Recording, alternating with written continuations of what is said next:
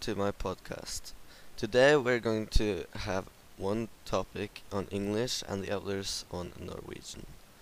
We are going to be talking about the sit- situation around the world and much more in today's podcast. We also ha- have a special guest with us here today. Would you like to say hello, Michael? Yeah, hello guys. Hi. Uh, okay, guys, our first topic will be the situation around the world right now. Uh, the most infected countries around the world now are USA with about 1.2 million people, Spain with around 210,000, and Italy with around 200,000. Uh, but Michael, uh, why do you think the infection rate in these countries are so much higher than in, for example, where we live, Norway, where we only have 7,000? Yeah, uh, we can start with these countries with a higher infection rate. Actually, as we see, have more people living in these countries as well, but also they were not as prepared as we are. We were when the coronavirus got to our country, and Yeah, yeah, because like we prepared more for the virus, we, we Yeah. took more like responsibility on protecting our citi- citizens, you could say.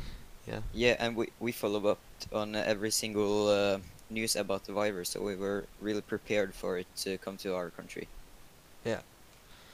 And what do you think Norway have done differently than these countries that has helped us so much? Well, we can begin with, uh, of course, we always were uh, uh, updated on the news that came out about the virus, Yeah. and before the virus even came to our country, we have prepared some rules to like keep our distances and uh, wash our hands uh, several times daily. So, uh, the whole time we have been really prepared of because we can see Sweden they haven't done the same as us. They have not uh, implanted the distance rule, so we can see that the infection rate there is so much higher. Yeah, because we took and placed rules on uh, rules beforehand, and all the citizens, uh, you could say, have been real good at following these rules and just listening to what the government has to say. Yeah. Yeah.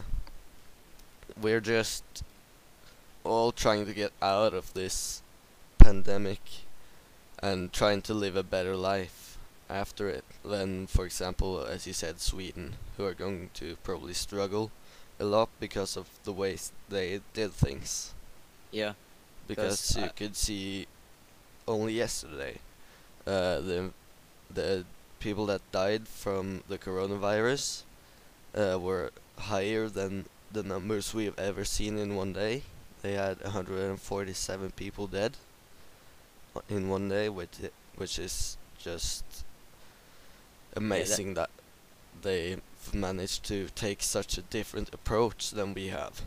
Yeah, it's it's weird, you know, because I thought Sweden were gonna go like differently on the situation than they have done. I thought that they would think as Norway, like keep our distances and be really prepared, but as we see, they, it's not how it went.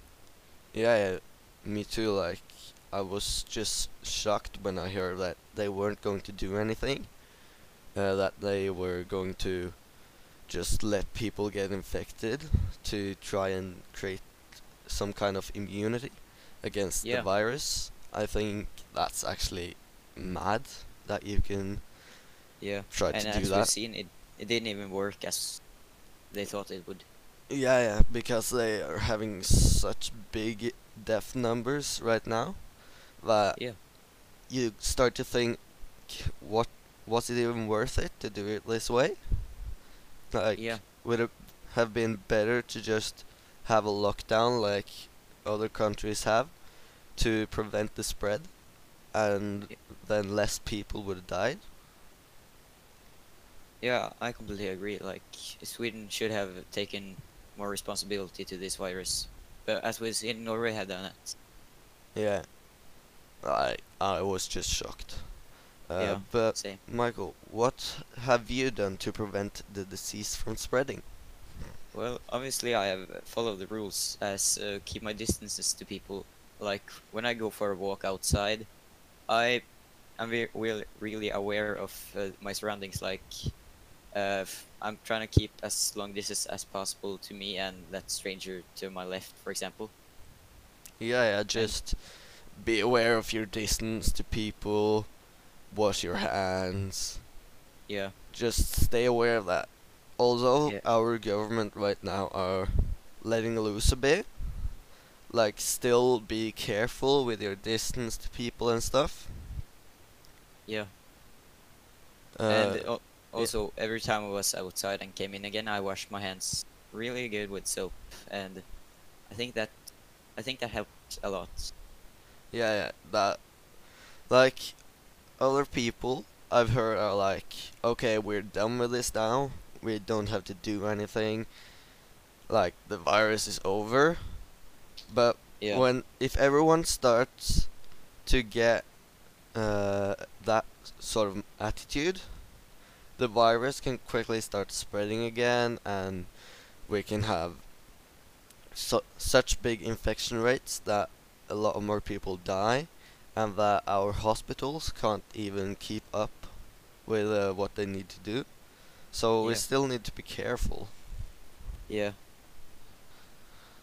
It's I completely agree. Yeah, yeah. Like, I just think when people say that, no, we're finished with this, like, everything is over, I just think that they're pretty stupid because, of course, we ain't done. If you look at Sweden, if we open the borders to them right now, what would happen to us? Yeah, We like would the infection rate would uh, just rise again. Yeah, we would have to go straight into a lockdown again. Yeah, So people can't get mad because they're not opening the borders and stuff because it would just wouldn't work. yeah, and it's for our own safety that we lock down uh, all the borders. Yeah, yeah, like I think like we can open to some countries that have the same infection rate as we do. For example, Denmark. Yeah, They have the same infection rate, have had about the same time as we that we have had in lockdown. And I Yeah. feel like if we somewhat open the border carefully, I think that would be fine. But Yeah. when people get mad because they can't go to Sweden and buy things because it's cheaper there, because the Yeah. borders are locked, I think it's just mental that they get mad over that when they see Yeah. the infection rate and stuff like that. Yeah, because because they don't really think about the consequences of opening borders again. Yeah, like I just don't get it. Yeah. But moving on from that, uh, do you think that we take uh, that we as teenagers will go back to school anytime soon? Obviously, now we have started at school, uh, but Uh, do you think we will start full time? Uh, I don't think we will start full time before uh, summer, but I do think that uh, we're gonna have a lot more uh, uh, education in school now and not at home. Because our school just announced that next week we're gonna have uh, separate all the classes into groups, and then we're gonna have half a day at home and half a day at school. Yeah, like. So we don't think we're going to open the entire school before summer. Of course, that would be pretty mad. Yeah. uh, because all of the people that are in our school, like how many are we? About Three, 400, I 350, 400? Yeah. It just doesn't make sense to open a school for absolutely everyone. Yeah. But to be honest, I really think that just having homeschool would have been a much better idea because it's so much less stress for us students. Yeah, yeah, of course. Like we have to carry books back and forth between our home and school, and then just so quickly the, the school can change uh, the um, class that we're going to have for example, we were if we were going to have English, they could just quickly say, "Oh no, we need to have maths because it's a more important subject right now." Uh, yeah, and they have done that before, uh, before the coronavirus as well, like just switching up the subjects that we have. Yeah, it's just so stressful because we don't know what's happening. We don't know when we can come back to school. We don't know if we're going to come back to school before summer. Yeah. It's just really stressful. So it would be just better to keep us at home until the end of the school year and then just be back on full time after the Yeah. summer would be much better. Yeah. Or just end the school year right now. I wouldn't bother. of course you wouldn't. Uh, do you think this disease is going to permanent going to end permanently, or do you think that in a couple of years it will be back because of how we are going to live when the coronavirus crisis is over?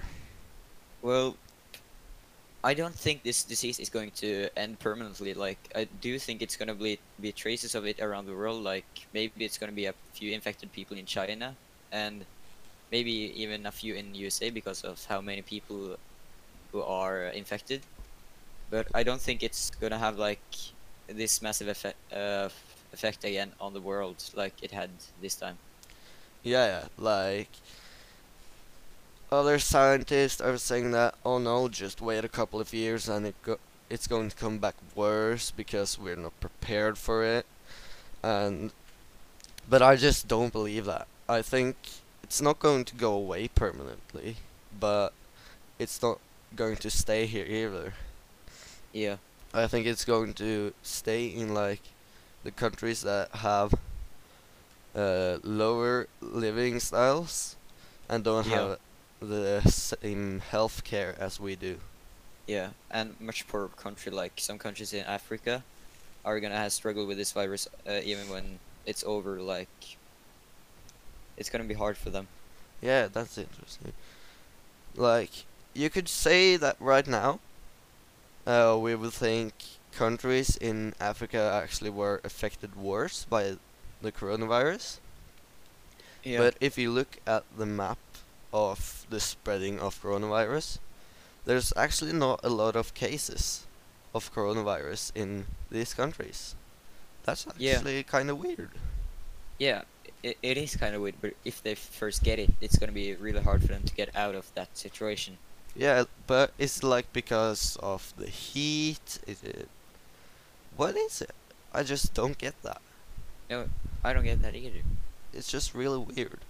And scientists haven't even gone on to think about it. Like, why are they almost like immune to the coronavirus? Like, it just doesn't make sense.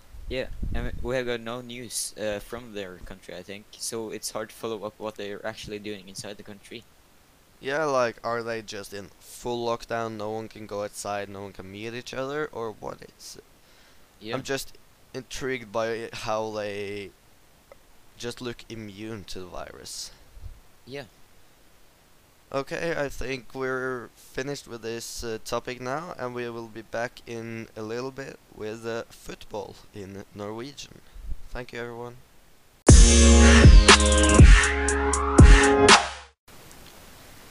Og velkommen tilbake til min podkast. nå skal vi gå over til fotball. Eh, og vi har fortsatt med oss Mikael. Hallo. Hei. Eh, så Mikael, hva synes du om at all fotball har blitt utsatt for en lang tid framover? Du, jeg hadde faktisk gleda meg ekstremt mye til at sesongen skulle starte. Fordi jeg følte at jeg hadde forbedra meg helt sinnssykt fra den forrige sesongen. Så når jeg fikk høre at denne sesongen ble avlyst, så ble jeg veldig skuffa. I tillegg så fikk jeg også høre at Arvika Cup ble ikke nå, og en treningsleir vi skulle gå, den ble også avlyst. Så all fotball generelt ble avlyst. All treninger ble stoppa for en liten periode. Så motivasjonen gikk jo ned, ikke sant. Ja, kom det liksom som et uh, sjokk på deg når uh, sesongen ble utsatt? Ja, altså det var, jeg, jeg tenkte over det når korona kom, at det er, det er sannsynlighet for at all fotball blir avlyst. Men Jeg trodde ikke det ville skje så fort. Så hastigheten på det var som et sjokk, ja. Ja, du trodde liksom det ville ta litt tid før noe skjedde, så dere fikk liksom starta med sesongen og sånn? Ja. Ja, ja. Det Ja, det kom jo veldig fort. Vår Ja. sesong også ble jo utsatt og har blitt halvert. Det kom jo som Ja, et stort sjokk. Og så er det så kjipt òg, når du føler deg på topp, og så skjer ja. ingenting med det. Men hva, hva synes du om at ungdom møtes på banene i større mengder og har en slags organisert trening? Altså, det kommer helt an på hvor mange de er. Hvis de er fem stykker, som var maksimum i hvert fall, så er, skal det være greit så lenge de holder avstand og holder reglene. Men hvis det er mer enn fem, og de ser ut til å stå ganske nærme hverandre, så begynner det å bli litt ille. Fordi vi har jo fått regler vi strengt skal følge. Fordi det er viktig at vi holder avstand og sånt, så at vi ikke eh, viderefører smitte hvis noen av oss har det uten å vite det. Ja, ja, absolutt. Liksom, vi må klare å holde avstand og sånn. Ja. Veldig viktig. Så det at ungdom møtes på banen, er greit hvis det ikke er sånn Hvis de er i mindre grupper, liksom. Ja, og følger smittevernreglene. smittevernreglene. Eh, hva tenker du kan gjøres for å hindre at ungdom samles i så store grupper med kort avstand? Det er faktisk Skal jeg være helt ærlig, jeg tror det er ganske vanskelig å hindre det. Mm, Fordi ungdommer er jo ganske sosiale sånn sett. I hvert fall er det mange. Ja. Og de liker liksom å henge rundt hverandre og klappe hverandre på skuldre og være litt sånn tett innpå hverandre. Så det å hindre de å møtes kan være en utfordring, men eksempel gaming er en ganske sånn øh, oppreisende sport, holdt jeg på å si, hvis jeg kan kalle det det. ja den er Så liksom på vei fram, liksom. Som Ja. en ny sport. Ja. Så kanskje det turneringer i det tror jeg kunne kanskje vært noe kult å organisere. ja, det kunne vært en idé. Hatt uh, turneringer og sånn med priser, så at folk holder seg heller hjemme. Ja. Istedenfor å samles i store mengder. Det var nok ikke så dumt, det. Jeg tror Eh, jeg hadde forhindra i hvert fall noen ungdommer å møtes veldig mye. ja, ja. Absolutt. Uh, og så lurer jeg på Har du vært på banen uh, liksom mens de har vært stengt? Du, jeg har vært på banen, ja, det skal jeg innrømme. Men jeg har bare vært der sånn to-tre ganger, og det var meg og en annen. Eller en gang så var det også noen flere. Men ellers så har det ikke vært sånn Ja, så dere har holdt dere i små mengder? Ja, Det er jo bra. begrenset mengder i hvert fall. Mm. Uh, og hva har du gjort for å holde deg i form i denne tiden når uh, vi ikke har kunnet hatt fotballtreninger og sånn? Jo, jeg har gjort ekstremt mye bakkeløp med moren min nede i Trolldalen. Så har vi tatt drag opp og ned der flere ganger, og det er flere ganger i uka vi gjør det her òg. Vi gjør det fortsatt.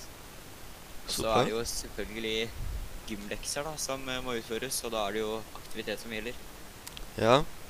Så du har liksom brukt eh, gymtiden du har og litt egen tid på å holde deg i form, rett og slett?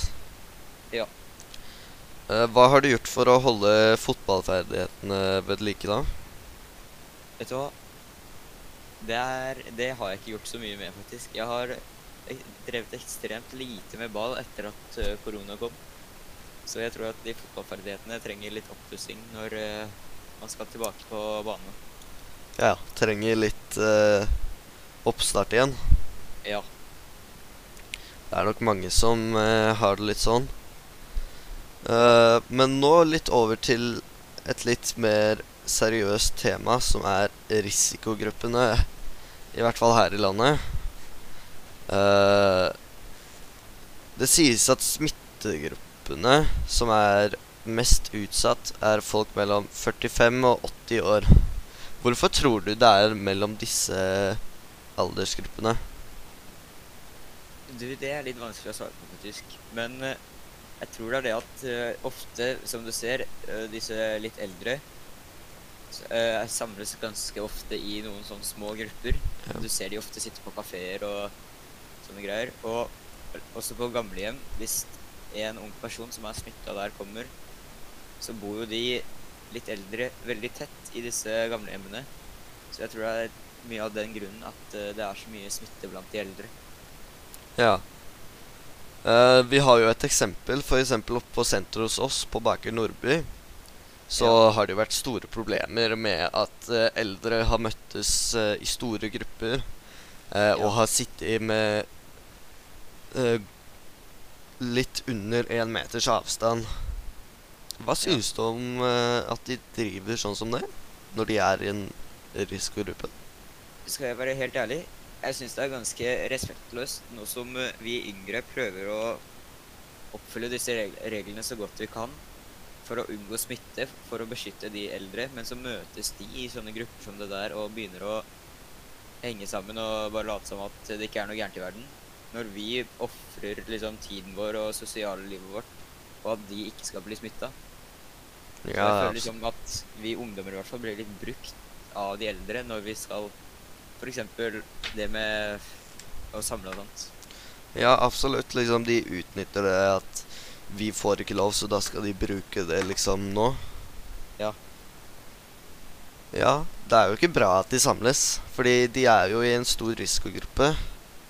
Eh, og så blir jeg litt sjokkert når jeg hører at eldre blir sure på myndighetene fordi de sier at de må holde avstanden og ikke kan få besøk av uh, barnebarnet sine og sånn.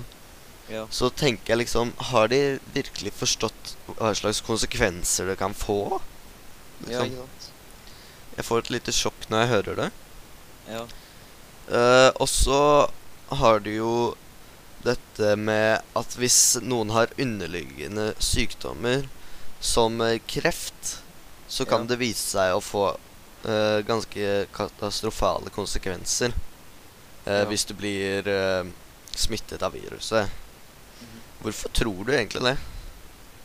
Jo, fordi eh, jeg tror det at eh, konsekvensene kan være mye verre. Mye fordi eh, immunforsvaret er mye allerede brukt opp på å prøve å bekjempe det de allerede har i kroppen. Og immunforsvaret deres er svekket, altså. Men det gjør også det at eh, koronaviruset det blir liksom en mindre prioritet for kroppen å bekjempe. Ja, Så det gjør at eh, koronaviruset går mye mer fritt i kroppen og spiser mye mer av det vevet i lungene f.eks., som gjør at det blir til slutt vanskeligere å puste, og til slutt så mister du livet. da. Ja, absolutt. Det blir liksom litt underprioritert i Ja. kroppen når du har f.eks. kreft. Ja. Det blir liksom ikke Å, det er viktig å fjerne nå. Fordi du har jo kreften som tar livet av deg, det også. Ja. Så Og som du sier, immunforsvaret ditt blir jo dårligere. Du Ja. Er jo ofte lagt inn på sykehuset hvis du har eh, eh, kreft og er alvorlig syk. Og da, hvis du blir smitta, så kan jo det utfallet bli veldig stygt. Ja. Men generelt med underliggende sykdommer også, annet enn kreft, så sies det jo at du har eh, større sjanse for å få store konsekvenser. Ja. F.eks. som å miste livet eller få en langtidssykdom. Mm. Uh, og det blir jo litt samme greia, liksom. Immunforsvaret ditt er jo svekka. Uh, Ja. Og f.eks. Uh, de som har eh, diabetes, sies ofte at det er i en stor risikogruppe. Fordi der er jo immunforsvaret ditt allerede dårlig. ja, ikke sant. Så det er mye sånn som uh, kan være farlig, altså. Ja. Uh, nå over til uh, siste punkt, og vi skal snakke litt om kongens tale. Ja. Uh, hørte du kongens tale til folket, Mikael? ja, den hørte jeg. Den var, skal jeg være ærlig, veldig inspirerende å høre på. Og jeg blir liksom glad når man hører på taler fra kongen. Fordi du, hø du hører hvert ord, og du vet at han mener det. liksom. Ja, du vet liksom at han er, tenker på oss eh, selv i den tida vi er, liksom, og at han prøver å få oss til å ha en så bra tid som mulig som Ja. han kan nå. Fordi Ja. det er jo en vanskelig situasjon. Nå kommer jo 17. mai, eh, hvor det ikke blir noe tog. Ja, den er kjip. Det er jo helt utrolig kjipt, det, ja. Eh, det Men han prøver jo å få fram, da, at uh, selv om dagene framover ikke blir som vanlig, så skal vi holde motet oppe og tenke at vi skal komme oss gjennom det her på en Ja. positiv måte. At vi ikke liksom skal grave oss ned og tenke 'nei, dette blir ikke bra, dette går ikke'. Må holde oss positive og ha godt mot. Og jeg tror at kongens tale har letta på humøret til veldig mange, spesielt blant de eldre, nå som han også er i risikogruppe pga. alderen, vil jeg tro. Ja, det Jeg tror eh, når kongen går ut og har en tale som det her, så tror jeg også det kan hjelpe veldig mange som sliter i tider som det her. Ja. Det er jo jeg- mange som har eh, eldre foreldre eller eh, bestefedre som de kan være veldig redde for. Og da Ja. tror jeg en tale sånn som det her kan berolige veldig. Ja. Spesielt for de som er sånn eh, småbarnsmødre og sånn. Så tenker kongen veldig mye på de, med tanke på at de er jo de mindre, og Ja, absolutt. De kan synes at denne situasjonen her er skremmende. Ja, inn på det med yngre. Ja. Eh, hva tror du om eh, dems smittesituasjon akkurat nå? Ja, som i hvert fall myndighetene har sagt, så er jo sannsynligheten for at de mister livet av dette viruset, er jo ganske små. Men allikevel så skjønner jeg om de er redde for å få det, fordi du ser hva, de har, hva dette viruset har gjort med de litt eldre personene. Ja, absolutt. Nei, jeg forstår det godt til eh, de som er redde for viruset, altså. Fordi du ser jo konsekvensene i andre land. Det Så er det skremmende når vi ser Sverige så nærme. Ja, som det går så galt med akkurat nå. Ja.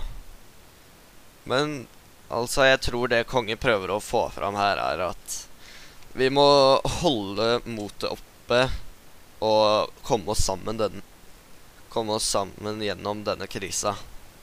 Ja. Jeg tror også at denne talen her har hjulpet veldig med folka å stå sammen, liksom, og hjelpe hverandre gjennom disse tider. Ja, absolutt. Ja, tusen takk for at uh, du var her, Mikael. Det var Ja. veldig hyggelig å ha deg her. Ja, tusen takk for at jeg kunne komme her. Mm, tusen takk. Det var det alt vi hadde tid til i dag, folkens. Jeg håper dere har en nydelig dag videre, og ønsker dere hjertelig velkommen tilbake eh, til min podkast. Thank you.